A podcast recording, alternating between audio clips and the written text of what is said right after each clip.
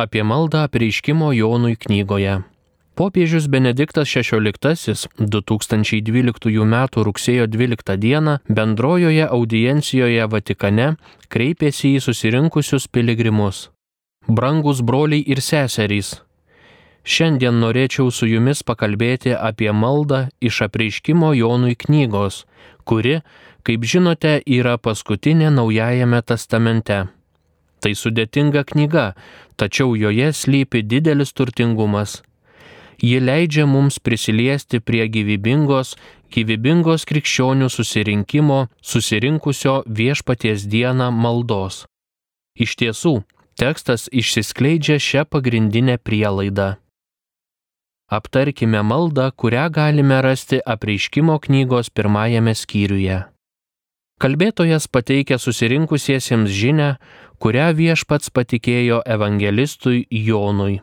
Skaitytojas ir susirinkimas yra, taip sakant, du knygos raidos veikėjai.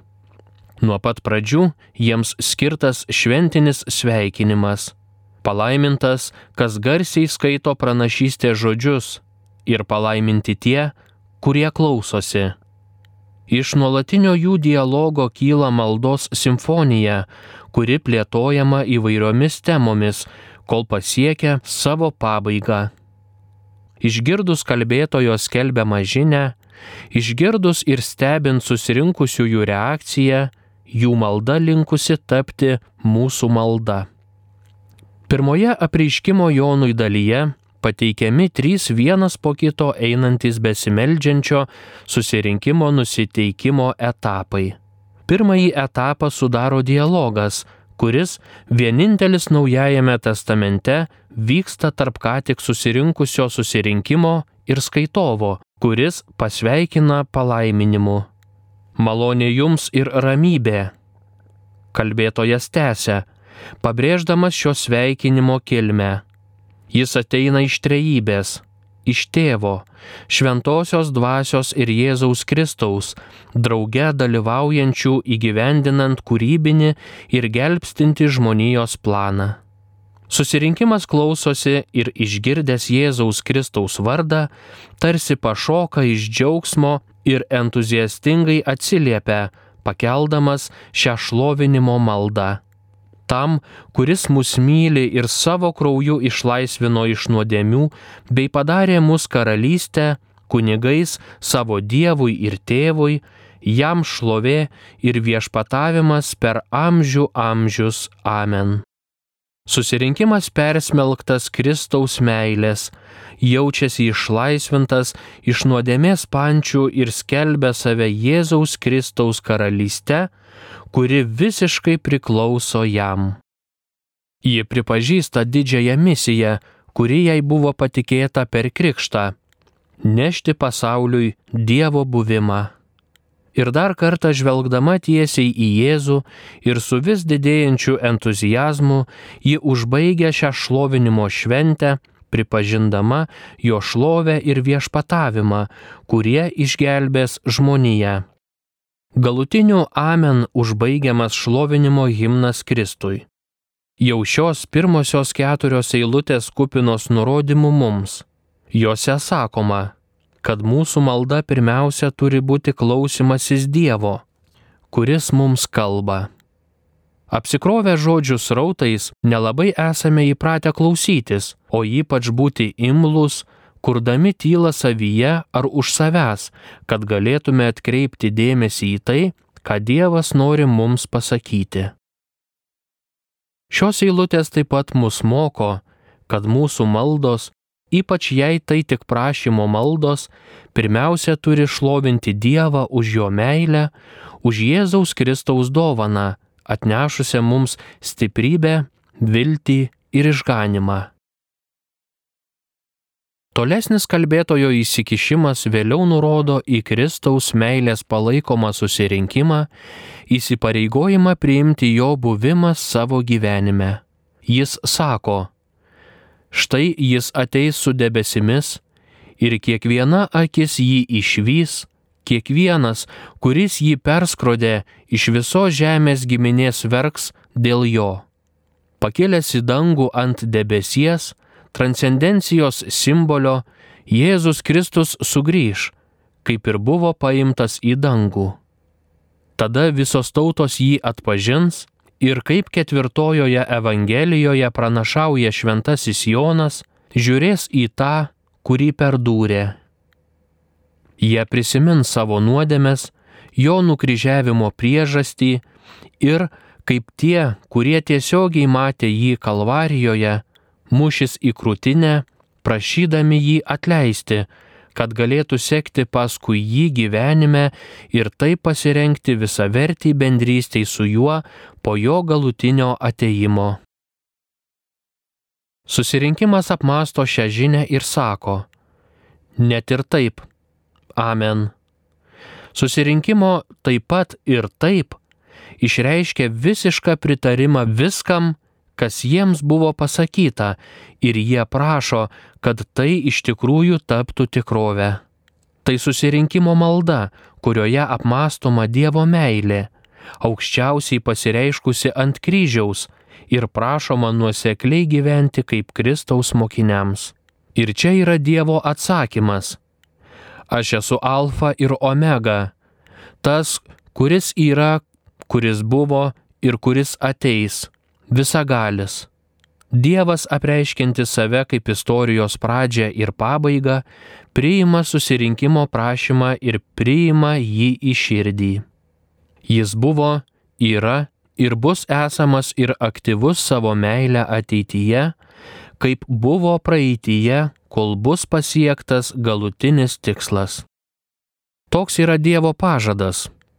Ir čia randame dar vieną svarbų elementą Nuolatinė malda vėl pažadina mumise viešpaties buvimo mūsų gyvenime ir istorijoje pojūtį. Jo buvimas mus palaiko, veda ir teikia didelę viltį net tam tikrų žmogiškųjų įvykių tamsybėse. Be to, kiekviena malda net ir radikaliausioje vienatvėje niekada nėra izoliavimasis nuo savęs ir niekada nėra sterili Priešingai, ji yra vis labiau atsidavusio ir nuoseklaus krikščioniškojo gyvenimo gyvybinis kraujas. Antrajame susirinkimo maldos etape nuodugniau nagrinėjamas santykis su Jėzumi Kristumi. Viešpats leidžiasi matomas, jis kalba, veikia, o bendruomenė vis labiau prie jo priartėdama klausosi, reaguoja ir supranta. Kalbėtojo pateiktoje žinutėje šventasis Jonas pasakoja apie savo asmeninę susitikimo su Kristumi patirtį. Jis buvo Patmo saloje dėl Dievo žodžio ir Jėzaus liudijimo, o buvo viešpaties diena, sekmadienis, kai švenčiamas prisikėlimas. Jonas buvo dvasioje, Šventoji dvasia jį persmelkė ir atnaujino, išplėsdama jo gebėjimą priimti Jėzų, kuris prašo jį rašyti. Susirinkimo, kuris klausosi, malda palaipsniui įgyja kontemplatyvę laikyseną, perpinta veiksmažodžiu matyti, nežiūrėti. Tai yra, ji kontempliuoja tai, ką siūlo kalbėtojas, interiorizuoja tai ir padaro savu. Jonas girdi garsų balsą, panašų į trimitą. Balsas liepia jam pasiūsti žinę septynioms bažnyčioms, esančioms Mažojoje Azijoje, o per jas visoms visų laikų bažnyčioms kartu su jų ganytojais.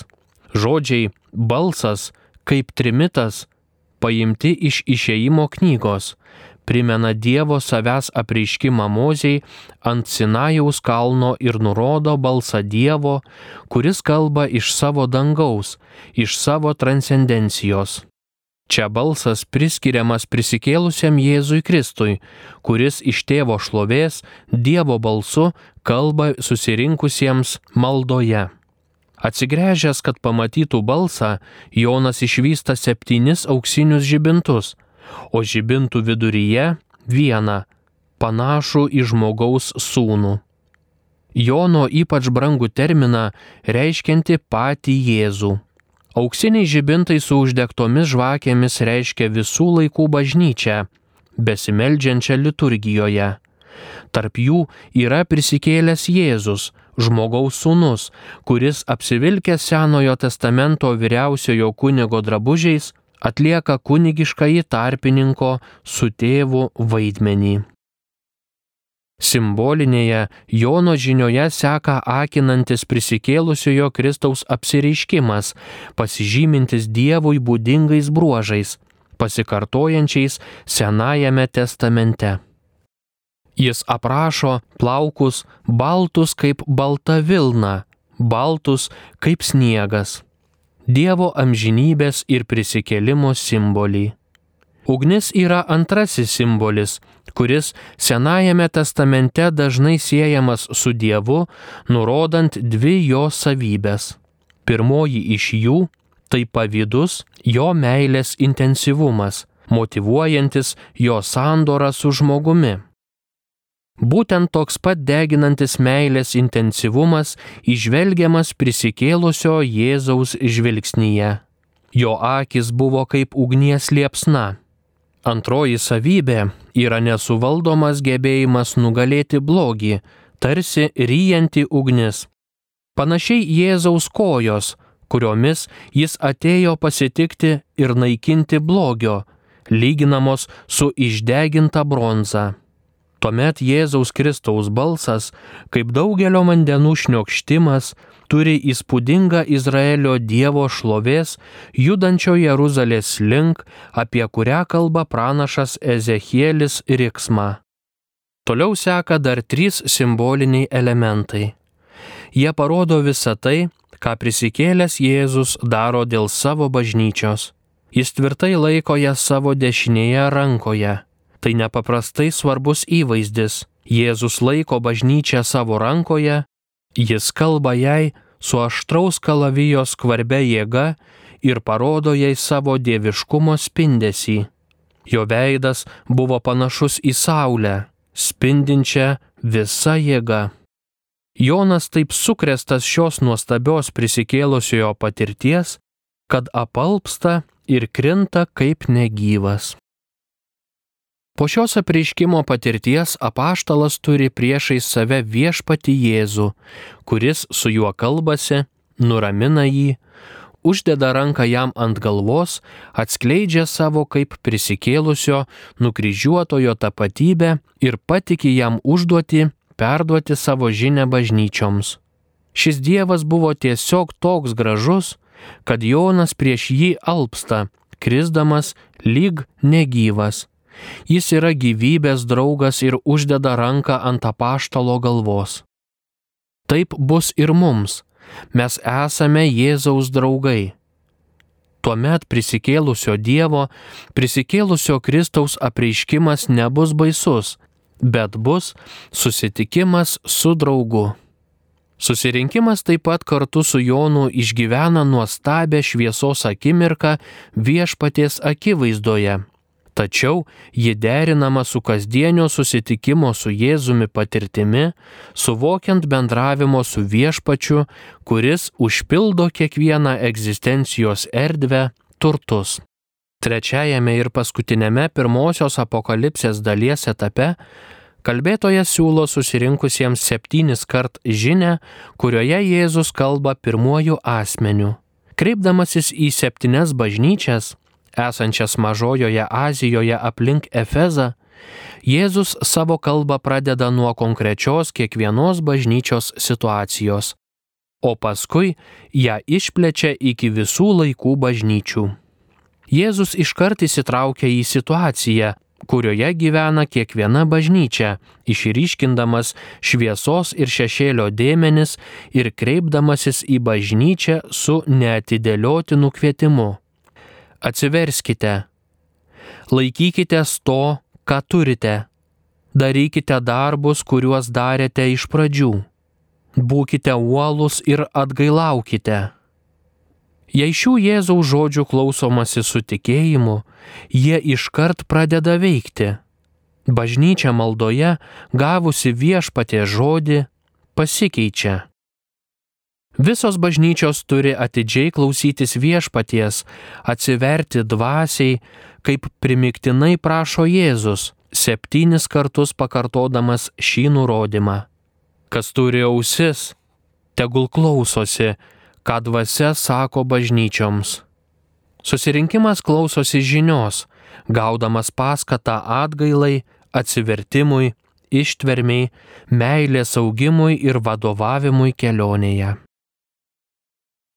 Brangus bičiuliai, apreiškimo knyga mums pristato bendruomenę susibūrusią maldoje, nes būtent maldoje vis labiau suvokiame Jėzaus buvimą su mumis ir mumise. Kuo daugiau ir kuo geriau, pastoviai ir intensyviai melsimės, tuo labiau būsime panašus į jį ir jis iš tiesų įžengs į mūsų gyvenimą ir jį ves, dovanodamas mums džiaugsmą ir ramybę.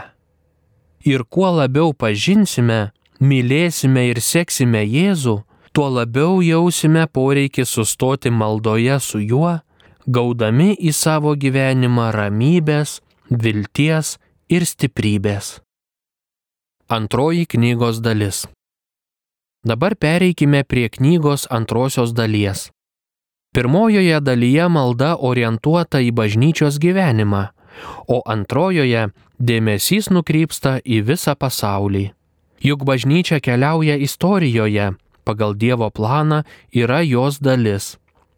Susirinkimas, klausydamasis skaitovo pateikiamos jo žinios, iš naujo atranda savo užduotį kaip Dievo ir Kristaus kunigams prisidėti prie Dievo karalystės plėtros ir atsiveria žmonių pasauliui.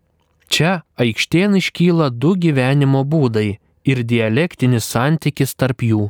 Pirmąjį galima pavadinti Kristaus sistema, kuriai laimiai priklauso susirinkimas, o antrąjį žemiška, karalystiai ir sandoroj priešiška sistema atsiradusią veikiant piktajam, kuris, apgaudamas žmogų, trokšta sukurti pasaulį priešingą Kristaus ir Dievo norimam.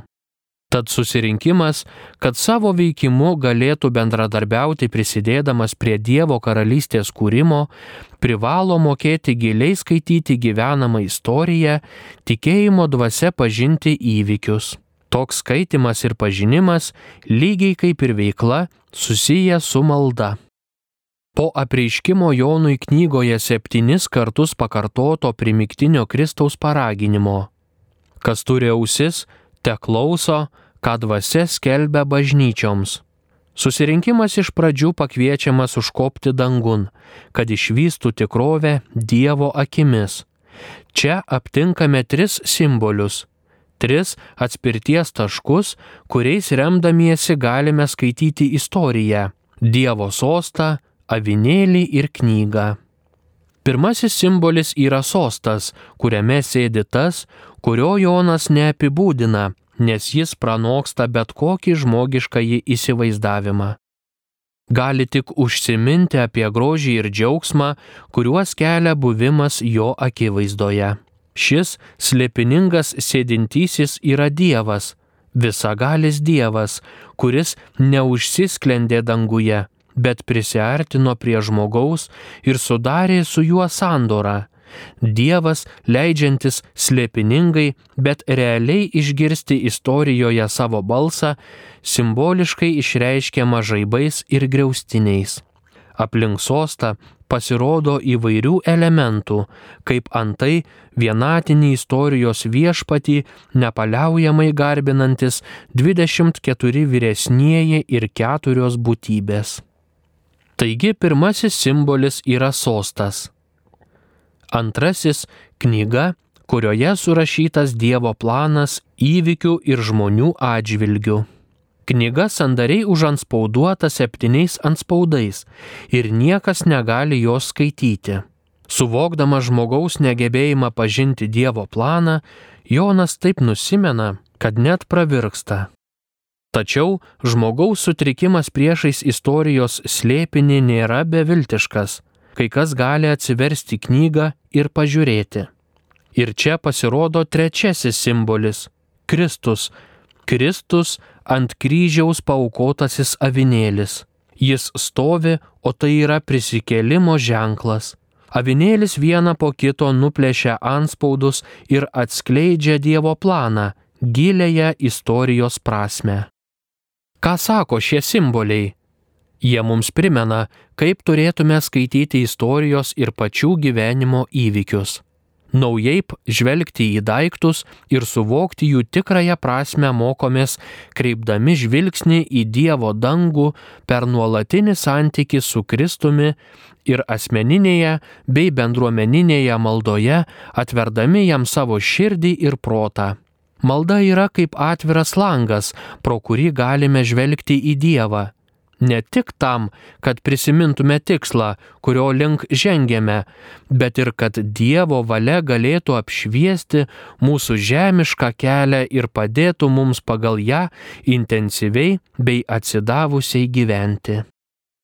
Kaip viešpats veda krikščionių bendruomenę prie gilesnio istorijos skaitimo? Pirmiausia, kviesdamas realistiškai žvelgti į dabartį, kurioje gyvename. Taigi avinėlis nuplėšia pirmus keturis anspaudus ir bažnyčia išvysta pasaulį, į kurį yra įkelta, pasaulį, kuriame yra įvairių neigiamų elementų. Tai paties žmogaus sukeltas blogis, kaip antai smurtas, kylantis iš tokio troškimo turėti, būti pranašesniam už kitą, kad galop imama vienas kitą žudyti, antras anspaudas arba neteisingumas, nes žmonės negerbė prisimtų įstatymų. Trečias anspaudas. Šitai lydi negerovės, kurias tenka pakelti pačiam žmogui, pavyzdžiui, mirtis, badas, lyga. Ketvirtas anspaudas. Šios dažnai dramatiškos tikrovės akivaizdoje bažnytinė bendruomenė raginama niekada neprarasti vilties, tvirtai tikėti, kad tariama piktojo visagalybė susiduria su tikraja Dievo visagalybė. Kaip tik tokia yra avinėlio nuplėšiamo pirmo anspaudo žinia. Ir aš regėjau. Štai pasirodė baltas žirgas ir ant jo raitelis su kilpiniu rankoje Jam buvo duotas vainikas ir jis išjojo kaip nugalėtojas, kad dar nugalėtų. Į žmogaus istoriją įžengė Dievo, galinčio blogį ne tik atsverti, bet ir nugalėti jėga. Balta spalva primena prisikelimą. Dievas taip prisartino, kad nužengė į mirties tamsą, kad ją apšviestų savo dieviškojo gyvenimo spindesiu, prisijėmė pasaulio blogį, kad nuskaistintų savo meilės ugnimi. Kaip toks krikščioniškasis tikrovės supratimas galėtų aukti? Apreiškime Jonui mums sakoma, kad šį šviesos ir gilios vilties regėjimą kiekviename iš mūsų ir mūsų bendruomenėje maitina malda. Ji mus kviečia nesileisti būti nugalėtam blogio, bet nugalėti blogį gėriu, žvelgiant į nukryžiuotą ir prisikėlusi Kristų, leidžianti mums būti jo pergalės dalininkais. Bažnyčia gyvena istorijoje, ji neužsisklendžia savyje, bet supama sunkumų ir kančių, drąsiai žengia savo keliu, primiktinai tikindama, kad blogis galiausiai nenugali gėrio, kad tamsa neaptemdo Dievo spindesio. Tai svarbus momentas mums. Būdami krikščionys niekada negalime būti pesimistai. Žinome, kad savo gyvenimo kelyje dažnai susidurėme su smurtu, melu, neapykanta, persekiojimu, bet tai neatima iš mūsų drąsos. Pirmiausia, malda moko regėti Dievo ženklus, jo artumą ir veikimą, negana to, moko patiems būti gėrio šviesuliais, skleidžiančiais viltį ir rodančiais, kad pergalė yra Dievo. Toks žvilgsnis akina dėkoti bei šlovinti Dievą ir avinėlį. 24 vyresnieji ir keturios būtybės drauge gėda naująją giesmę, kuria aukštinamas Kristus, visą darančio naują darbas. Tačiau tas atnaujinimas pirmiausia yra prašytina dovana. Čia aptinkame dar vieną elementą, kuris turi būti naudingas maldai, primiktinį prašymą, kad viešpaties karalystė ateitų, kad žmogaus širdis nusilenktų Dievo viešpatavimui, kad Dievo valia kreiptų mūsų ir pasaulio gyvenimą. Apreiškimo Jonui regėjime Ta prašomoji malda perteikiama svarbiu konkrečiu vaizdu. 24 vyresnieji ir keturios būtybės kiekvienas rankose laiko arfą, lydinčią jų giesmę ir aukso indus pilnus milkalų. Paaiškinama, jog tai šventųjų maldos, vadinasi tų, kurie jau yra pas Dievą, bet ir mūsų visų, kurie dar keliaujame. Taip pat matome, kad priešais Dievo sostą vienas angelas laiko aukso smilkituvą, kuriame nuolat yra smilkalų. Tai yra mūsų maldų. Jų malonus kvapas aukojamas kartu su maldomis, kylančiomis į Dievo akivaizdą. Šią simboliką mums pasakoma, kad mūsų maldos, kad ir kokios ribotos, varganos, skurdžios, sausos, netobulos, tartum nuskaistinamos ir pasiekia Dievo širdį. Tad galime būti tikri, nėra nereikalingų, nenaudingų maldų, ne viena nenueina per niek ir jos sulaukia atsako, net jei jis kartais būna slėpiningas, nes Dievas yra begalinė meilė ir gailestingumas. Angelas, rašo Jonas, paėmė smilkituvą, pripildė jį aukoro žaryjų ir sviedė į žemę. Ir sugriaudė griausmai, pakilo šauksmai, subliksėjo žaibai, sudrebėjo žemė. Tas įvaizdis reiškia, kad Dievas nėra nejautrus mūsų maldavimams, Jis įsikiša ir leidžia žemėje pajusti savo galę ir išgirsti savo balsą, sudrebina žemę ir supurto piktojo sistemą. Dažnai blogio akivaizdoje jaučiamės nieko negali padaryti, Bet kaip tik mūsų malda yra pirmutinis ir iš visų veiksmingiausias mūsų atsakas, sustiprinantis mūsų kasdienį įsipareigojimą skleisti gėrį. Dievo galybė padaro mūsų silpnumą vaisingą. Baigdamas norėčiau tarti kelis žodžius apie baigiamąjį dialogą. Jėzus kelis sikius pakartoja. Štai aš veikiai ateinu. Ta ištara kreipia ne tik į ateitį, laiko pabaigą, bet ir į dabartį. Jėzus ateina, apsigyvena tame, kuris į jį tiki ir jį priima. Todėl šventosios dvasios vadovaujama bendruomenė primiktinai prašo Jėzaus ateiti vis arčiau. Ateik. Jis yra tartum sužadėtinė, karštai trokštanti jungtuvių pilnatvės. Jis trečią kartą kviečia. Amen. Ateik viešpate Jėzau ir skaitovas užbaigė ištarą, rodančią to artumo pajutimą. Viešpatės Jėzaus malonė su jumis visais. Nors simboliai ir sudėtingi, apreiškimas Jonui įtraukia mus į labai turtingą maldą. Jos dėka ir mes girdime ir šloviname viešpati, dėkojame jam, kontempliuojame jį ir prašome jo atleisti. Didžiosios bendruomeninės liturginės maldos struktūra taip pat galingai kviečia iš naujo atrasti Euharistijai būdingą nepaprastą perkeičiamąją jėgą. Čia norėčiau primiktinai paraginti, kad būtume ištikimi šventosioms mišioms viešpaties dieną, sekmadieniui, tikrajam savaitės centrui. Turtinga malda prieiškimo Jonui knygoje primena mums deimantą. Jis turi daug kerinčių breunų, bet jo brangumą lemia nepakartojamo centrinio brandolio skaidrumas. Tad maldos įtaigios formos aptinkame apreiškime Jonui, leidžia suspindėti nepakartojamam ir neapsakomam Jėzaus Kristaus brangumui. Mėly Marijos radio klausytojai, girdėjote popiežiaus Benedikto XVI 2012 susitikime su piligrimais paskelbtą mokymą apie maldą apreiškimo Jonui knygoje. Skaitė Marijos radijos savanoris Vaidas Šukys. Dėkoju Jums uždėmesi. Likite su Marijos radiju.